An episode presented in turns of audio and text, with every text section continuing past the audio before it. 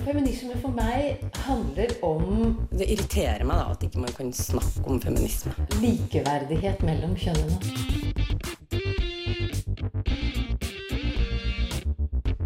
Det blikket på kvinnen på film. handlet det om å bli tatt på alvor som jente. Du hører på Et eget rom på Radio Nova. Både i pensum, undervisning og forskning er det nødvendig med et mangfold av faglige perspektiver for å unngå å reprodusere en ensidig vestlig kunnskapsforståelse.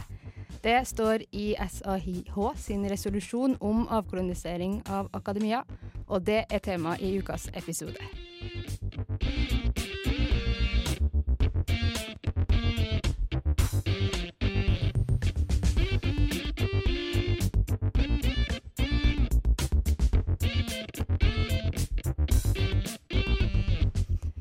Ja, du hører på et eget rom, og det er mandag, og klokka er ti, og vi er selvfølgelig på plass igjen. I dag er det meg, Anne Marie Sundet, og så har vi med en ny. Har du lyst til å introdusere deg sjøl, Nintu? Ja, jeg heter Nintu Paramalingam. Dette er min første sending i et eget rom, og vi skal jo snakke om et tema jeg syns er veldig viktig og spennende, da, så det blir bra. Ja, har du lyst til å fortelle hva vi skal snakke om? Eller? Yes, Vi skal snakke om avkolonisering av akademia, som er en debatt som har vært veldig het den siste tiden. Eh, Jeg er jo en helt ny student på UiO, så jeg har jo fått med meg litt, og jeg føler jo at dette er en debatt som er veldig vanskelig, og blitt veldig unyansert og litt kaotisk. Eh, Professorer som eh, bruker sine posisjoner til å si hva de mener, og så studenter som snakker imot, og så ja, og SAIH som har blitt truet med å ikke få støtte lenger, så det er liksom litt kaos i den debatten, da. Så derfor syns jeg at det er bra å kunne se på det gjennom et feministisk perspektiv. Hva betyr egentlig avkolonisering? Ja, for det er jo nettopp det vi skal prøve å gjøre i dag. Gå litt dypere, bryte opp litt hva er egentlig argumentene. Eh, og så må man jo også si det at SAIH, Studentene og Akademikernes internasjonale hjelpefond, er jo på en måte de som starta den debatten her i Norge, fordi de vedtok en resolusjon i vår hvor de vedtok det at, vi skulle, eller at de ville arbeide mot Nei, for avkronisering av akademia. Eh, men det her er jo en debatt som har gått internasjonalt over ganske lang tid. Mange sier at det starta i Sør-Afrika i 2015 allerede. Eh, så noe av det som jeg sliter med da, i, i den saken her, er for, for det første liksom, hva er avkolonisering av akademia? Jeg syns det er et veldig vanskelig begrep. Det er et tungt begrep. Hva er det egentlig det betyr?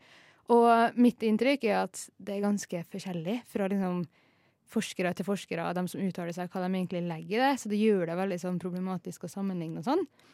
Og så for det andre så syns jeg det er litt vanskelig å forstå sånn Når man tar på en måte hele akademia under ett, da, så får man liksom ikke med alle nyansene og sånn, og det gjør det veldig utfordrende. Mm.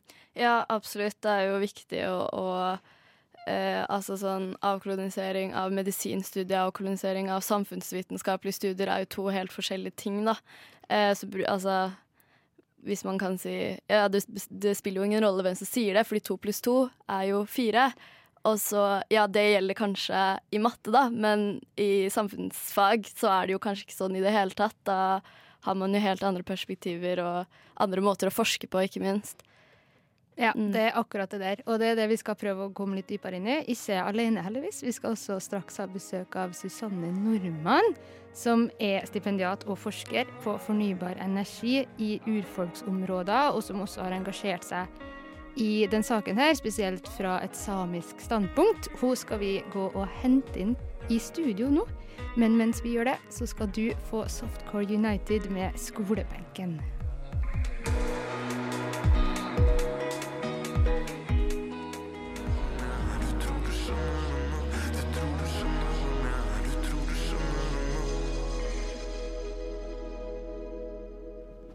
Ja, det var Softcore United med skolebenken her på Radio Nova. Du hører på et eget rom, og nå har vi fått storfint besøk i studio av Susanne Nordmann. Velkommen, og takk for at du kunne komme. Tusen takk for invitasjonen. Ja, Har du lyst til å begynne med å fortelle litt om deg sjøl, eller hva du driver med? Ja, jeg driver med så mangt. Men eh, jeg tror at jeg har blitt invitert hit litt pga. Den forskninga jeg holder på med på universitetet å gjøre. ikke sant? Mm. Jeg er stipendiat på Senter for utvikling og miljø, og så samtidig på Psykologisk institutt. Um, og så er jeg i gang med en doktorgrad som handler om eh, blant annet om implementeringa av vindkraft i sørsamiske områder. Mm. Um, og så uh, holder vi samtidig på med en uh, radiodokumentar, eh, jeg og noen andre venninner, som heter 'I Elsa Laulas fotspor gjennom Sápmi', hvor vi intervjuer samiske kvinner om 100 år med samisk rettighetskamp. Ja, det er jo kjempeinteressant, da. Når eh, får vi muligheten til å høre det, da? Eh, ja, eh, det er det en del folk som har spurt oss om. Jeg kan jo først eh, begynne med å reklamere litt da, for oss. Vi har en Facebook som heter Jelsa Laulas fotspor gjennom Sápmi', og der legger vi jo ut det vi driver med og sånt. Men det kommer til å bli publisert fire episoder i løpet av høsten. Ja. Em, når og hvor skal vi gi beskjed om på den. Ja, den er grei. Em, det er jo avkolonisering av akademia som er tema her i dag. Uh, kan du fortelle litt om hva du legger i det? Uh, ja, eller ja. Eh, jeg tenker at uh, de siste månedene så har det vært sant, en, en debatt som har gått um, om dette, og jeg tenker at mye, mye bra har blitt sagt, og spesielt av SAIH, som har stått i forkant av denne debatten. Eh, de har jo fokusert, som sikkert de fleste vet, da. Eh, Jeg skal godt til å ikke ha fått med seg noe de siste månedene om dette, men eh, sant, på mangfold, på inkludering av andre perspektiver i litteraturen, på å se på um, systematisk ulikhet mellom universiteter og studenter i sør og i nord. Uh, om hvordan studentene krever egentlig å få liksom, tilgang fra instituttene sine til en uh, kritisk kunnskap da, med perspektiver fra ja, andre erfaringer, fra ja, tidligere kolonier og ja. Eh, og det tenker jeg er en, en viktig sak. Og samtidig så tenker jeg at eh, diskusjonen om avkolonisering av akademia henger sammen med en del andre diskusjoner um, som også har med akademia å gjøre, f.eks. privatisering. Eh, ja, strømlinjeforming av forskning på instituttene. Eh, sånn at det er kanskje For meg er det viktig å se denne debatten kanskje ikke isolert, men sammen med en rekke andre strukturelle diskusjoner som, som tas, da. Eh, altså, fordi Du var jo litt inn på det her nå, men jeg tror kanskje noe av det som en del sliter med i denne debatten, her, er at man ikke alltid helt forstår hvorfor det her er viktig, hvorfor det er nødvendig. Altså, hva er det det her egentlig vil føre til? Har du noen tanker om det? Mm, hva det vil føre til, det er litt eh, eh, Men jeg tenker kanskje at noe av grunnen til at den debatten her har vært vanskelig, er at man har blitt sittende og debattere begrepet, og måten det har blitt møtt med de mm, aktørene som er kritiske, har vært så lite åpen for dialog at istedenfor å kunne gå i dybden og kunne gå inn i dypere samtaler om hva dette kan bety, så sitter man og må på en måte eh, forholde seg til stråmenn og liksom en argumentasjon som på en måte kanskje ikke har forstått innholdet i det studentene har krevd da, og sagt. Um, men for meg så handler det om Eller det jeg tenker eh, er viktig, er å se at samfunnet endrer seg. Det kommer nye krav. em, og at institusjonene våre kan ikke sitte og tenke at eh, det som ble etablert som eh, vitenskapelige metoder for mange år siden, ikke kan endre seg. Eh, og det må endre seg, og det gjør det også. Og jeg tenker at mye forskning og akademisk aktivitet kan allerede kalles for avkoloniserende, men det har pågått i stillhet på mange institutter rundt om i landet og rundt om andre steder, Uh, uten at man nødvendigvis har hatt den taggen på det, da. Um, ja. Mm.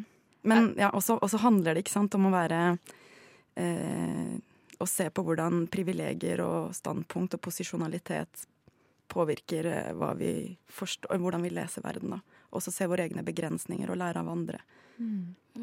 Ja, eh, jeg tenker også kanskje et av problemene med å forstå hva det betyr, er fordi det ikke blir satt i en norsk kontekst heller. Eh, og for eksempel dette med altså, Hva vil avkolonisering bety for samisk kamp?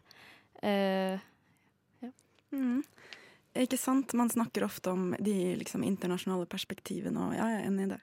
Mm, jeg tenker En interessant ting er å, å, det at jeg tenker at samiske forskere egentlig veldig lenge har jobba med en avkoloniserende forskning, både på Universitetet i Tromsø og selvfølgelig Samisk høgskole i Kautokeino.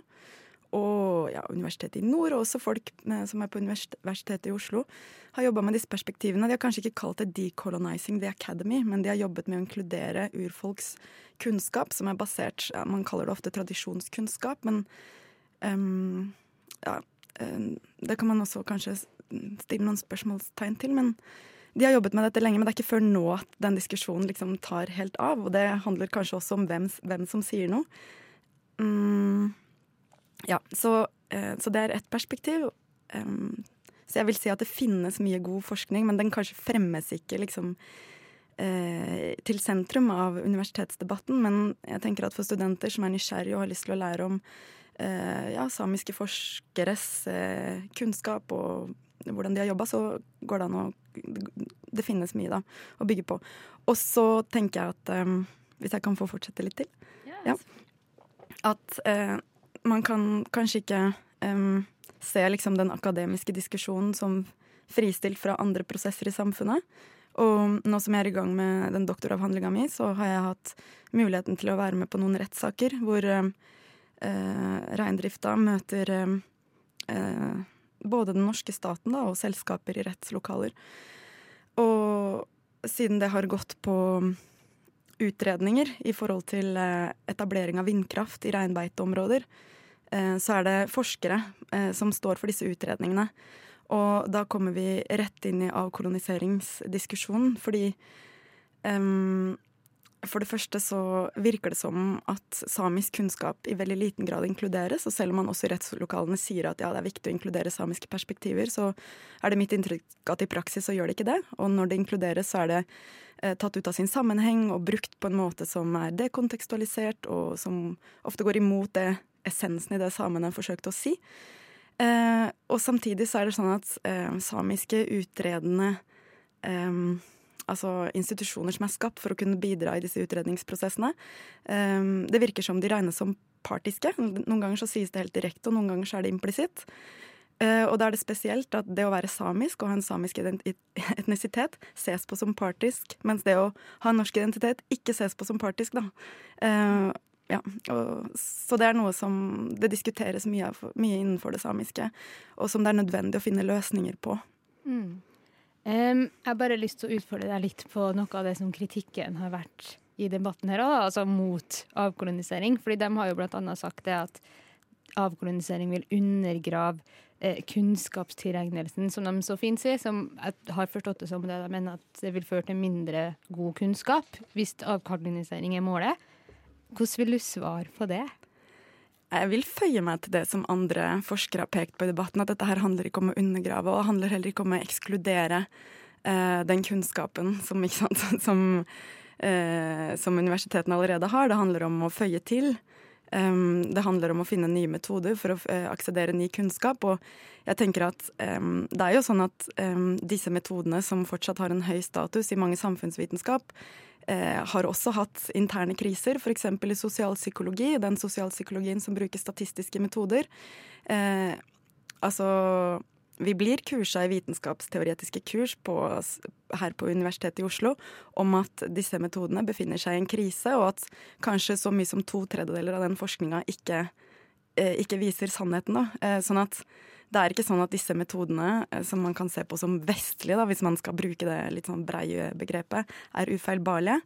Og så eh, tenker jeg på en ting til, og det er at um, man, jeg tror at i noen av disse kronikkene som har vært skrevet, så har man sett på medisin f.eks. og sett liksom, hvordan kan ja, sjamanistiske medisinske kunnskaper på en måte utkonkurrere av liksom, vestlige kunnskaper som antibiotika og sånn. Og så har sant, SIH svart at det er ikke det vi mener. Men jeg tenker at det er jo også mye farmasøytisk kunnskap som har bygd på Um, altså det man kaller for bioprospeksjon, da, hvor man har tatt utgangspunkt i urfolks uh, kunnskap, tradisjonell kunnskap, i Amazonas og i andre områder av verden. Og så har man uh, sant, forsket videre på det og gjort det om til medisiner som i dag selges på apoteker. sånn at Eh, og der er det en annen diskusjon igjen, at den kunnskapen har kanskje ikke blitt anerkjent godt nok. eh, Sånn at urfolk har kjempa for rettigheten til å beholde sin liksom, intellectual property, og det er en annen diskusjon. Men det henger sammen med at faktisk så finnes det en anerkjennelse også innenfor vestlig medisin om at eh, urfolks tradisjonell kunnskap om planter kan være et utgangspunkt for også å skape ja, medisin. Ja. Ja, ok, Nå er jo det her Radio Novas feministiske program, så før vi lar deg gå og runde av, så må vi nesten spørre om det også, fordi det er jo en del som har løfta fram et sånn interseksjonelt perspektiv. Altså det at det ofte er mennesker som er på en måte undergravd, skulle du si, altså undertrykt pga. flere ting, da, f.eks. kjønn og samisk bakgrunn. Har du noen tanker rundt hvorfor det er også viktig å løfte opp det perspektivet? Mm. Ja, jeg tenker at um, liksom, feminisme og avkolonisering har en brokete historie. Og det har ikke alltid vært eh, harmoniske møter. ikke sant? I Latin-Amerika så har um, det som kanskje veldig bredt blir kalt vestlig feminisme, men som jeg også mener at uh, er et begrep som ikke viser nyansene. Uh, jeg tror det finnes mye forskjellig vestlig feminisme, men um, det har vært kollisjoner, ikke sant? Hvor urfolk har oppfattet feminisme som en, en ny tvangstrøye. Eh, Men så har det skjedd en endring, ikke sant? og man har gått i dialog og liksom interseksjonalitet, eh, som tar opp i seg elementer som etnisitet, kjønn og også sosial klasse, som jeg tenker er viktig å ikke miste ut av, i denne diskusjonen, Um, har på en måte funnet ut at eh, når man ønsker å se på f.eks. metode og hvordan vi dialog, går i dialog med hverandre, så uh, så kan man bygge på hverandre, da. Og jeg tenker i hvordan denne debatten Hvilken retning denne debatten har tatt. Eh, hvordan folk prøver å komme hverandre i møte eller gå hverandre imot. Det viser viktigheten av at eh, feministisk teori og metode og avkoloniserende teori og metode eh, Det sammenfaller, da. Eh, jeg tenker at eh, Ja. Jeg tenker at eh, en del professorer som har, eh, jeg skal ikke si alle, men en del professorer som har gått veldig hardt ut i denne debatten, i veldig liten grad eh, virker å være bevisst eh, ja, feministiske perspektiver, da. Og det kommer til syn i hvordan de går studentene i møte her. Mm. Susanne Nordmann, tusen takk for at du kunne komme på besøk til oss i et eget rom her i dag. På veien med deg ut så skal du få en sang som jeg må ærlig innrømme har vokst på meg jo mer jeg har hørt på den. Så her får du Pom Poko med 'Follow the Lights'.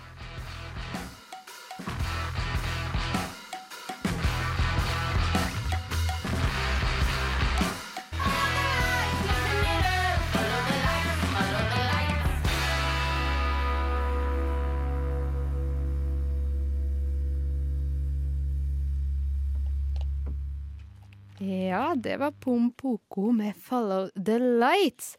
Eh, nå er det jo sånn at det ikke bare vi i et eget rom som har hatt sending om avkolonisering her på Radio Nova. Det har også Opplysningen 99,3. De hadde sendinga 21.9., og de har vært så snille å la oss få låne litt klipp fra da de hadde en debatt i studio. Fredag 21.9 hadde Opplysningen 99,3 her på Radio Nova sending om avkolonisering.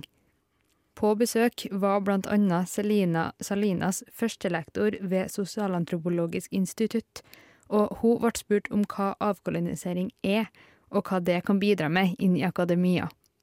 Um, først, jeg syns eh, at det er litt vanskelig med det norske språket, fordi eh, vi har et ord, avkolonisering, mens på andre språk har vi en mangfold av begreper som blir redusert til avkolonisering eh, med norske språket. Det de, jeg kan på en måte Essensen i the colonial thinking er at eh, vitenskap er en kunnskapsproduksjon som er basert på et sett av prinsipper, kriterier, for eh, hvordan man skal eh, ha en metode for å observere eller forstå verden. De colonial thinkers mener at det er en, en maktmatrise, som en kolonial maktmatrise, som, som dirigerer disse eh, prinsipper og kriterier for eh, den metodikk vi bruker i vitenskap. Så jeg tenker at eh, måte det er mange nivåer her, og det, det, det viktigste er at man tilegner seg kunnskap og hva disse perspektivene handler om, og så kan man ta en standpunkt. Men det er også en, et minnestandpunkt. Jeg tror ikke på at, vi- at vi finner en sannhet, eller en objektiv sannhet, universell sannhet for alle sammen. Og som Arne sa, sannhet er ikke noe eh, vi finner, det er noe vi leter etter. Og det tenker jeg at eh, Avkoloniserende av akademiet kan åpne til at vi eh, sammen eh, tar til oss andre kunnskapsproduksjon eh, eller praksiser andre steder, og ser mot eh, ja, den vitenskap eh, som vi har i dag, og ser hva, kan, hva slags begrensninger vi har, hva slags åpninger vi har. Eh, og jeg tenker at bare, det blir bare en styrke. Og ja, Så det er på en måte de ikke-privilegiertes ståsted som denne på en måte debatten prøver å ta standpunkt fra. Gaute Arvid Kandal Hoel skrev i Minerva 12.6 i år at nok en meningsløs debatt fra utlandet blir forsøkt appropriert inn i norsk akademia. Han var også på besøk hos Opplysningen og hadde her å si om hvorfor han er skeptisk til avkolonisering av akademia. Ja, altså Når vi ser på hvordan avkoloniseringsdebatten, som er en debatt som er hentet fra utlandet, hvordan den har utviklet seg i land som England og USA, så ser vi det at det begynner gjerne med en sånn tanke om at nå skal vi bare få flere perspektiver, og det er jo selvfølgelig ingen som er uenig i det, men så utvikler det seg etter hvert til å bli en sånn tanke om at nå skal man fjerne uh, Platon fra introduksjon til filosofi, man skal fjerne Shakespeare fra engelsk litteratur for å liksom få plass til andre stemmer som ikke er blitt hørt tidligere. Og da er ikke poenget det at de har en annen kunnskap å bidra med, men poenget er det at de er ikke uh, hvite vestlige menn. Fordi Egentlig så er det ikke noe poeng med hele denne bevegelsen med avkolonisering av akademia. Fordi vi har allerede de, uh, de, de verktøyene, den mekanismen, i den moderne vitenskapen i dag, hvor man kan se kritisk på uh, kunnskapsproduksjon. Man kan se kritisk på resultater man har kommet frem til. Men problemet med denne avkoloniseringsbevegelsen da, i, i, sånn, i det store og det hele, er det at man sier at fordi dette ble uh, produsert i Vesten, fordi forskeren var en uh, vestlig hvit mann, så er ikke dette valid kunnskap. Da gjelder ikke dette for Ghana, liksom. Og det mener jeg er ganske kunnskapshemmende. Et perspektiv som jeg savner i den eller fra den siden som, som, snakker om avkolonisering, er nettopp det der at ok, men det er ikke det at noen er imot å ansette flere fra det globale, fra det globale sør.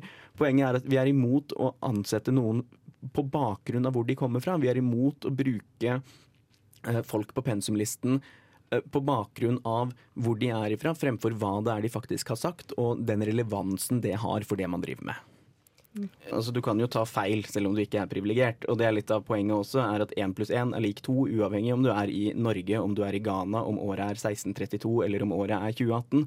Og det er litt det som er mitt poeng i denne debatten her, er det at jo, det finnes noen objektive sannheter. Torgeir Kolshus, som er førsteamanuensis ved Sosialantropologisk institutt, var også på besøk hos Opplysningen denne dagen. Og han framhever det positive ved norsk akademia, og det positive man kan ta med seg ut av denne debatten om avkolonisering. Jeg, jeg er en av de som tenker at, at det er, eller mener at det er noen ting ved den kritiserte vestlige vitenskapen som er bedre enn andre, rett og slett. For, eller som gjør den annen til en annen enn annen, bare hvem hvilken som helst kunnskap tre ting som Ernest Geller, en filosof og antropolog, peker på. Det første er at den er atomistisk, at det er små, små små deler, hvor hver enkelt del kan kritiseres og fjernes uten at helheten forrykkes. Det andre er at den er kumulativ, altså den er oppsamlende. Den trekker på tidligere erfaringer som har vært dårligere, tidlig forståelse som har vært dårligere. Og den tredje er at den er relativt åpent tilgjengelig. Det er ikke sånn at verdien i et kunnskapssystem er at den er lukket eller eksklusiv. Tvert imot, verdien i vårt kunnskapssystem som vi snakker om her siden vi sitter på et universitet, det er nettopp det at jo flere som vet om den, jo mer prestisje er knyttet til det standpunktet. Det blir veldig vikt, viktige ting som ble trukket fram her. Um, frykten for essensialisering, altså det at den som snakker er egentlig mer over, er overordnet budskapet, den, den, stiller jeg meg helt og holdent bak. Det tror jeg er en direkte farlig ting. Jeg syns også det blir problematisk å snakke om privilegert og uprivilegert som om det bare skulle være knyttet til personlige identiteter og ikke faktisk erfaring. Er det slik at min, min kjipe barndom f.eks. vil stille meg et annet lys enn det faktum at jeg er en hvit, vestlig, heterofil mann fra det sentrale østlandsområdet? Altså, eh, sånn, når, med en gang vi begynner å trekke inn en sånn vi må, vi må, Hvor du står er viktigere for, hva- for hva du sier enn hva, enn hva du faktisk har sagt. Da er vi litt på ville veier, tror jeg. Og For meg så har avkoloniseringsdebatten først og fremst vært bevisstgjørende.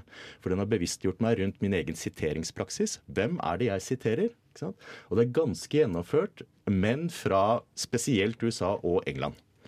Og så må jeg stille meg selv spørsmål, er det fordi de har de beste perspektivene, eller fordi at de tilfeldigvis er lest av de samme folkene som jeg leser? Som dermed siterer til dem, og som gjør at det blir en slags altså det blir en oppsamlet effekt. At det som er viktig, blir viktig fordi at andre har sagt det er viktig.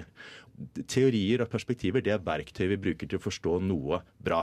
Og Hvis vi bare har hammer, så blir hele verden en spiker. Og Hvis vi konsekvent skal la være å stille spørsmål fordi at vi ikke har verktøyene til å håndtere dem, så kan rett og slett av avkoloniseringsdebatten gi oss noen sånne nye verktøy. Eller i hvert fall sørge for at de blir utviklet til å nettopp gjøre rede for andre ting og rett og slett forstå verden bedre. Ja, det var klipp fra Opplysningen 99,3, som har hatt besøk av Selina Salinas, Gaute Arvid Kandal Hoel og Torgeir Kolshus. Det var eh, et veldig interessant program, så hvis du har tid, så anbefaler jeg absolutt å sjekke ut opplysningen fra 29, nei, 21. i 9. Det var veldig bra. Eh, noe av det som blir tatt opp her, vi rekker jo ikke å snakke om alt, men noe av det som var tatt opp her, er jo også kritikken eh, mot avkolonisering av akademia. Og jeg føler det er litt viktig at vi nå bruker litt tid på å prøve å forstå hva de kritiserer her. Har du tanker om det, Nintu? Jeg føler jo at uh, hoveddel, altså mesteparten av kritikken går ut på å Altså at det betyr at man vil fjerne noen fra pensum. At det betyr at man eh, skal fjerne Shakespeare. Men jeg tenker egentlig ikke at det er det det går ut på. Jeg tenker heller at det burde gå ut på å gjøre feil litt rett igjen. Men det er jo kanskje en konsekvens av at man ikke forstår helt hva det betyr, og hvordan man skal gjøre det. At man snakker ikke om på en måte det altså Man sitter fast, altså som Susanne sa i stad, og sitter fast på å forklare begrepet. Eh, og derfor kan det, går det på en måte ikke an å snakke om hvordan kan man gjøre det, da. Mm. Eh, men det kanskje truer en del mennesker, da, når man snakker på denne måten at man bruker begreper som hvite, vestlige menn som tar for mye plass. og ja, det kan for så vidt være sant, men betyr det at deres vitenskap skal bli dekreditert, da? Mm. Eh, det var jo en hel bunch med forskere som skrev i Aftenposten tidligere i år, 14. august, at eh, når vitenskapelige og rasjonelle metoder følges og teorier utsettes for kritisk prøving i et forskerfellesskap forpliktet på data og argumentasjon, kan vi oppnå allmenngyldig kunnskap og innsikt, uavhengig av den enkelte forskers kjønn, etnisitet og annen grupperelatert bakgrunn. Eh, og det de mener her, er jo det at kritisk sans, og det å være kritisk til hva vi leser og hva vi lærer og sånn, er en del av det norske eh, akademia fra før, og at derfor er det noe som forskere allerede har en plikt til å gjøre, og derfor ikke en ting som burde bli tvunget på forskerne. Og det er på en måte et sånt argument som jeg forstår hva de mener. Det betyr ikke nødvendigvis at jeg alltid er enig, men jeg forstår det argumentet. At man kan si at jo, jo, men i Norge er vi demokratisk. Eh, vi er kritisk til våre kilder, sånn og sånn. Derfor bør det være opp til forskerne å styre det her sjøl. For jeg tror kanskje også det er litt det som er problemet, da, at det er en del forskere som nå har gått ut og vært litt sånn Jo, men det her gjør vi allerede. Hvorfor skal noen tvinge på oss å gjøre det her på en mer systematisert måte, da, når vi allerede har så sterk kritisk sans, på en måte, i norsk akademia? Ja, da er det jo viktig å huske på at teori er jo ikke Altså, man kan jo si det at det skjer i teorien, men om det blir fulgt i praksis, er jo en annen sak. Og da kan man jo bare se på pensum og se at det kanskje ikke stemmer. Gjør egentlig forskerne det de skal? Får studentene alle de perspektivene de burde? Um, Mm. Og så er det et motargument her som jeg syns kanskje er enda mer interessant. Da. Det kommer fra Hanne Skartveit, som skrev i VG. Så skrev hun at selvpisking er bra, men avkolonisering er farlig fordi det skaper avstand mellom dem som kan uttale seg, og resten. Basically. Så det hun mener, da, er at gjennom avkolonisering så får man en sånn situasjon der kun de med samisk bakgrunn kan uttale seg om samer, kun kvinner kan uttale seg om kvinner, og at det er farlig, for da skaper man en sånn derre eh, oss og dem. Men jeg tenker jo at det kanskje også er litt motsatt, da, at det er litt det mangfoldet som avkolonisering prøver å kjempe for.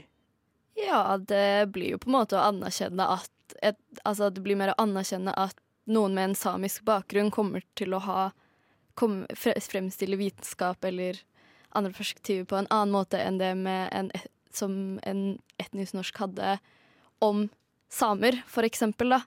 Eh, det betyr jo ikke at den ene teorien vil ha mer verdi enn andre, men bare å anerkjenne at det kommer til å være Eller det kan være forskjellig kunnskap eller forskjellige perspektiver, da. Mm. Vi skal straks over på et litt mer feministisk perspektiv på det med avkolonisering. Eh, men før det så skal du få det som kanskje kan beskrives som en hissig glad låt. Så her får du oss som bare drar, med blomst.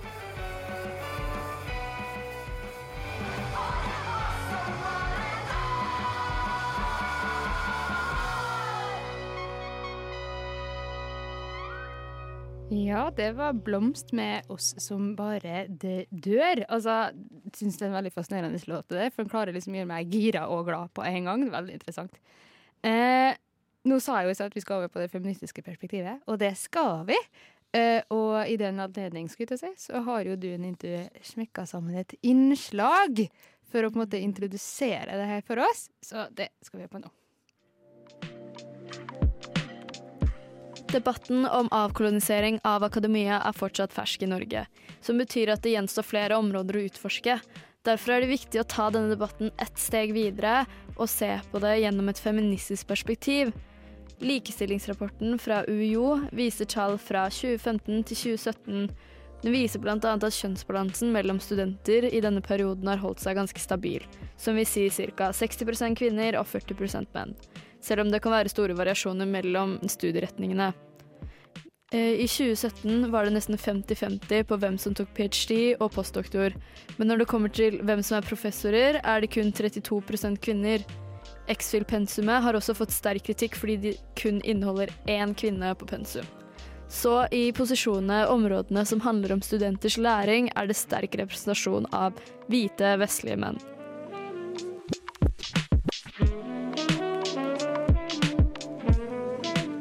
Debatten om kjønnsmangfold er derfor ikke like ny som avkoloniseringsdebatten, og dette med kjønnsmangfold har vært problematisert tidligere i det norske akademiske miljøet.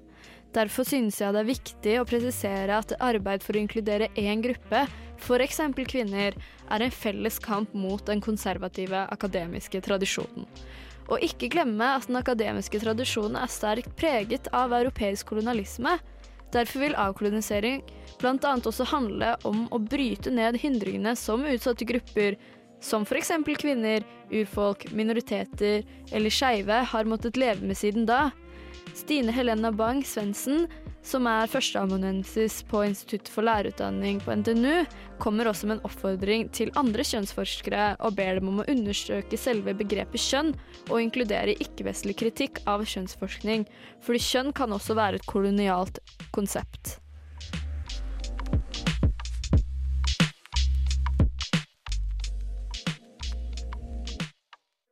Ja, det var Nintu som ga oss en innføring i det feministiske perspektivet.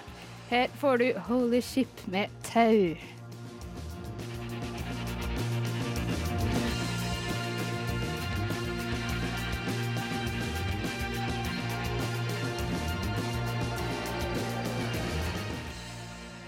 Ja, der fikk du litt psykedeliske vibber med Holy Ship med tau. Du som er sliten og sinna og lei. Nå vil vi synge ei vise til deg om at kvinner kan si fra, protestere og slåss. Bli med hos oss. Du hører på Et eget rom. Likestilling kommer ikke av seg selv.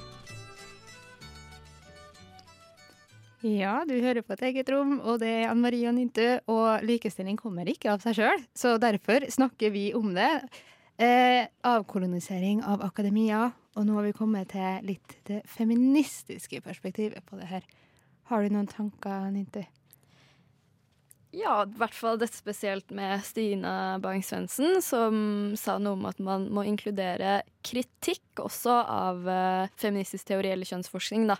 Det er jo også veldig viktig, og på en måte at det ikke bare handler, altså at det handler om det også, at eh, spesielt eh, hun presiserte jo at det burde være eh, ikk- altså, kritikk av, fra ikke-vestlige eh, forskere, da som jeg syns det er veldig interessant at hun sa det. fordi hvert fall med tanke på dette interseksjonalitetsbegrepet om at undertrykking kan eh, påvirkes av flere faktorer som kjønn, klasse, etnis etnisitet eh, og le seksuell legning, eksempel. Eh, at det er Altså, disse faktorene har også blitt glemt i den norske kvinnebevegelsen, som f.eks. samisk kvinnekamp, eller hvordan rasisme ikke har blitt uh, tatt i betraktning under kvinnekamp. og det skjer jo en forandring. Det blir jo mye mer bevisstgjøring rundt dette, da. Og det er jo en måte å tenke, eller avkolonisere litt de tankene sine om hva feminisme òg er, da. Ja, og så tenker jeg også at det er litt interessant med denne debatten her, for den har på en måte fremheva det at ja, man har kanskje Altså det er mange kvinner rundt omkring i verden som har eh, en feministisk ideologi, på en måte, men det betyr ikke at all feminisme er vennlig overfor andre feminister i andre land heller. da, At det er liksom sånn det skjer undertrykking av eh, kvinner i andre land, også som skjer av måten vi lærer om kvinner sånn på skoler i Norge i dag. da, At det er litt lurt å være bevisst på det. også, at det er ikke sånn at bare fordi vi alle er kvinner, så er vi alle på samme maktnivå i verden heller, da.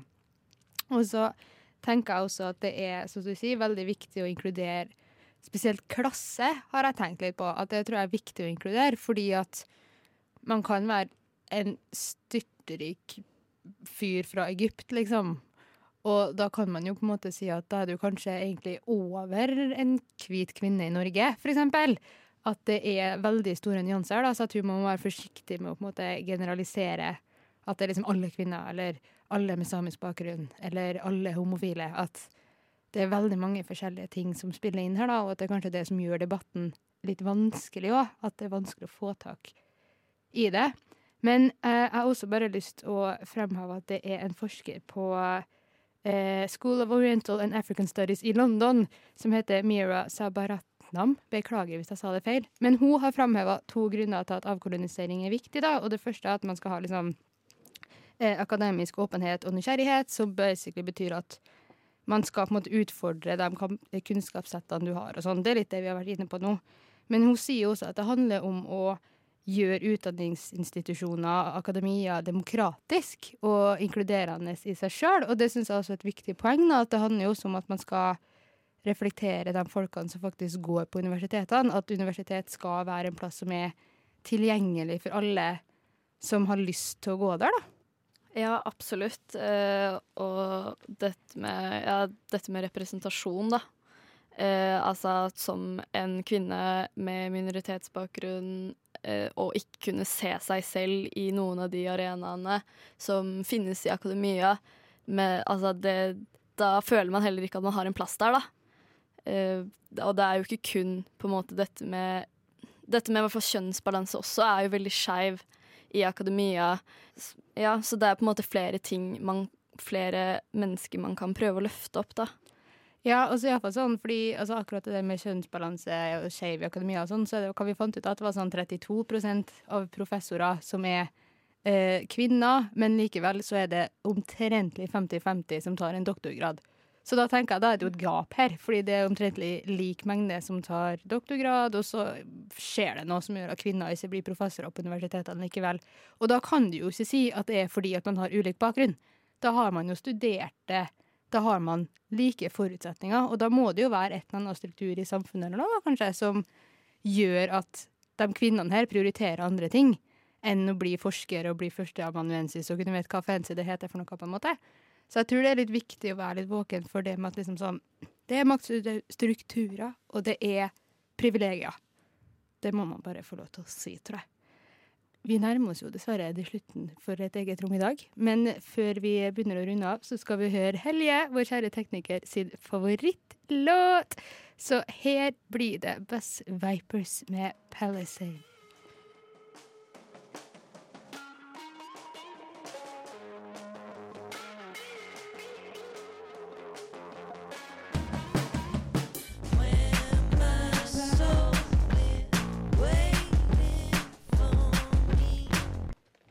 Ja, der fikk du Buzz Vipers med Palace. Eh, vi nærmer oss en slutt her nå, Nintu. Men eh, hva har du lært i dag, eller hva var spesielt interessant i dag? Jeg syns det var utrolig interessant uh, å høre på Susanne. Uh, det, jeg syns det er veldig viktig å kunne sette det i en norsk kontekst og få frem at denne avkoloniseringsdebatten får frem lokale historier. At det ikke bare blir en sånn fjern debatt uh, som blir tatt inn i, eller brukt i Norge uten noe sammenheng og mening. Men hvordan kan man faktisk bruke dette til noe produktivt? og ja. ja nei, men det er jeg veldig enig i, altså, fordi at det er jo sånn som vi sa litt tidligere i sendinga, at det her starta for så vidt i Sør-Afrika i 2015 og sånn, og at de har jo et mye lengre sånn kolonihistorie sånn sett, da. Men det er jo viktig å huske her at Norge under liksom Danmark-Norge-tida hadde jo også en kolonihistorie, og vi er veldig påvirka av kolonimakter. fordi altså, Storbritannia har jo vært liksom Norges gud i gudene vet hvor lenge, på en måte. Eh, så det er litt viktig å huske at vi tar veldig mye av inspirasjoner og forskning og tankesett fra andre vestlige land. Så selv om kanskje vi ikke har vært liksom den store empiriske makta, så er vi fortsatt påvirka av det, da, i en eller annen grad. Ja, ut ifra Det er jo veldig viktig å ta i betraktning av historie eh, om kolonialisme, og det er jo flere områder i kolon... Altså dette med avkolonisering eh, Altså ikke bare kun akademia, men ja, dette at avkolonisering stammer fra og at man vil ha selvstendighet over eh, sitt land. Um, og det er veldig mange områder der hvor man ikke har tatt et ordentlig oppgjør med europeisk kolonialisme. Og dette blir jo et steg videre, litt mer, mye mer komplekst eh, enn tidligere debatter om avkolonisering, mm. kanskje. Ja, altså Hvis vi skal prøve å si et eller annet sånn avsluttende om debatten som helhet, da, så vil jeg bare få si at jeg syns fortsatt det her er en rotete debatt, og jeg er fortsatt ikke 100 sikker på hva alle mulige mennesker legger i avkolonisering av akademia. Forhåpentligvis har det blitt litt oppklarende, det her, men noe av svakheten er jo at mange har brukt litt sånn forskjellige måter å beskrive det på. Men kanskje det jeg tar med ut av det her, da, er at uansett om du får avkolonisering av akademia eller ikke, så bør man iallfall tørre å være selvkritisk og tørre å stille spørsmål ved hvor kunnskapen man har, kommer fra. Det blir siste ordet. Det har vært Anne Marie og Ninte i studio, og tekniker har vært fantastiske Hellige Svensson. Og vi har, må si tusen takk til Opplysningen 99,3, fordi vi har fått lov til å låne klipp fra dem. Vi må også si tusen takk til Susanne Nordmann, som har vært på besøk her hos oss i dag. Eh, med deg ut, så skal du få en eh, låt som nesten kommer med en eh, oppfordring, vil jeg si. Kom deg ut i Oslo av Calvert.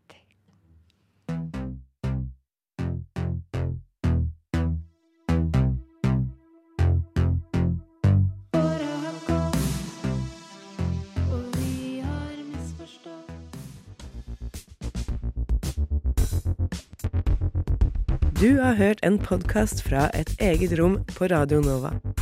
Vil du høre mer? Sjekk ut Et eget rom på Facebook, Instagram eller radionova.no.